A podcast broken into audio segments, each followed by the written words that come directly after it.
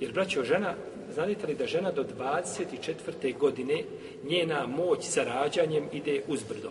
I posle 24. pada. A, do 24. ide uz brdo, posle 24. moć može ona roditi i u 44. i u 50. Nije to Ali znači, generalno, znači, žena do 24 godine biva sposobnija za rađanje. Nakon toga, znači, biva ovaj, e, teže, znači, može rađati. Teže može rađati. Ovo, ovaj sam podatak čuo od jednog a, a, ovaj našeg brata koji je, on je direktor jednog ovaj odjela, znači na porodilištu u Americi u nekoj bolnici. Razgovarao sam tako sa njim o tome, pa kaže, do 24. godine, kaže, idealno, posle 24. godine, žena gubi tu moć. I znam se onda ženu koja razmišlja o 35. ili 6. da se uda. Ona je u 35. ili 6. doktorirala, ona je završila tamo i onda razmišlja kako bi kako bi se udao. Pogledajte islama i odlike islama kada je u pitanju šta? Ran, ran brak i rana udaja. E, da rekutni bilježu svome sunanu, trećem tomu koliko se sjećamo, deo gradije koji izdao u Bade. Kaže, znam, kaže, ženu u našem vremenu koja je sa 18 godina bila dje, ovaj, njena. Njena bila sa 18 godina. I to je danas ostalo kod mnogi, nije, nije kod muslimana, nažalost. Ostale, ja sam jedne prilike razgovarao, ovaj, e, ne znam koja je bila godina, ovaj, nakon dolaska iz vojske, tamo možda negdje koja je bila 91. Jednom sam bugarkinjom razgovarao, žena starija kaže, ja sam se udala sa 11 godina. Ja kažem, dobro, kako, kako se tako udala sa 11 godina? Kaže, kod nas je tako. A, dok, na večer, dok je dobila ciklus, ona je već ujutru u vjenčanici. Se rješava. Znači, ta rana udaja nema sumnje da sa sobom nosi ovaj veliki hajr. I žena ima mogućnost, znači, tada, i onda bi tada uradili po vasijetu čijem? Erdoganovom. To tako.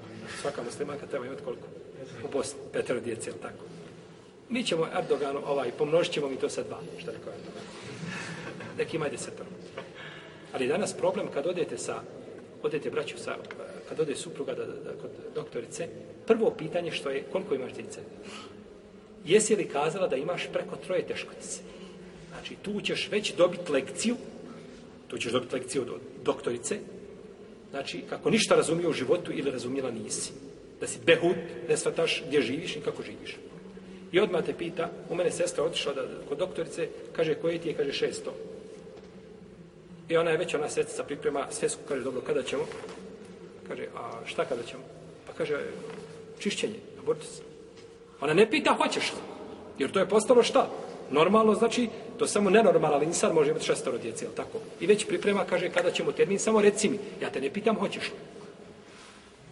To vam je, znači, razmišljanje, znači, ovaj, ljudi koji stekli diplome, on je stekao di, diplome Dunjaluka, ali nije, nije razumio da je zabranjeno upiti.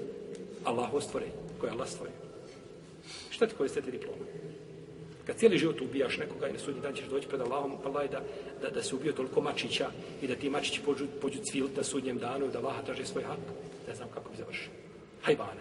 A ne kažem ti Allahovu roba, vole kad kremna beni Adem i mi smo čovjeka počastili. Od počasti čovjeka jeste da se ne može prodavati, da se ne može kupovati, da ga ne smiješ ubiti ti na način kako želiš. Da ne smiješ nasrnta njegovu čast kada ti želiš. I kako ti želiš nego da imaju pravila i propisi sankcionisanja u islamu. A ne čovjek te, čovjek ti kazao riječ, ili ti nije kazao riječ, ili se nije dopala njegova faca i ti ga odvojiš negdje u mrak i islamoš.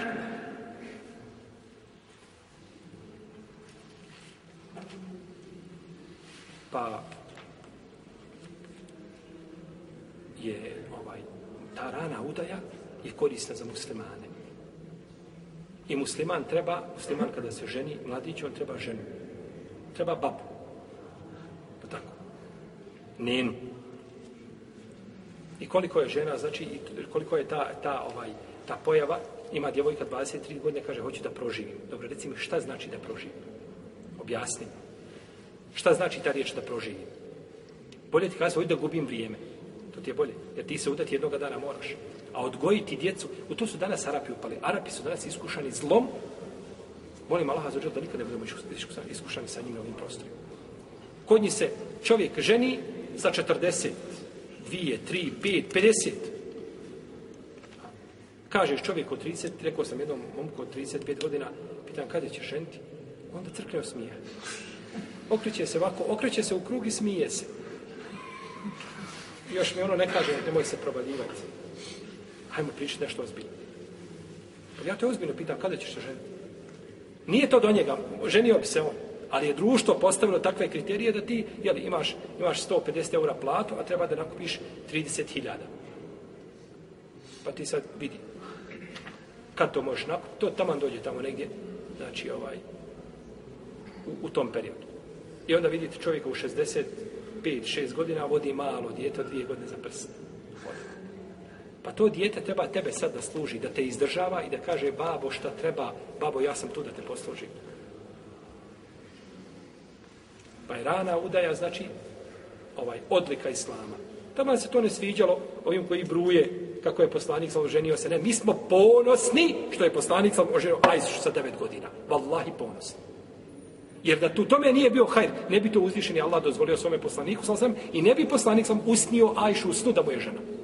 To je objava vahi. Pa ona njemu žena vahijom objavom. Pa nek se lome, neka vratove polome, mi smo muslimani s o tim ponosni. I ko se god toga stidi, treba na svoj islam da stavi jedan veliki upitnik i nakon toga da razmišlja gdje je njegov islam. Ne, jer poslanik sam neće uraditi osim ono što je dobro i što je korisno za, za, za ovaj umet. Jer se ljudi povode za njim u tome.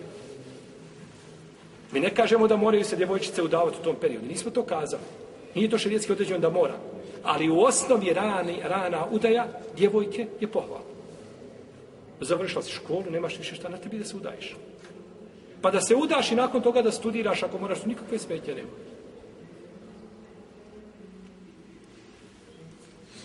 Samo nama na rasulina.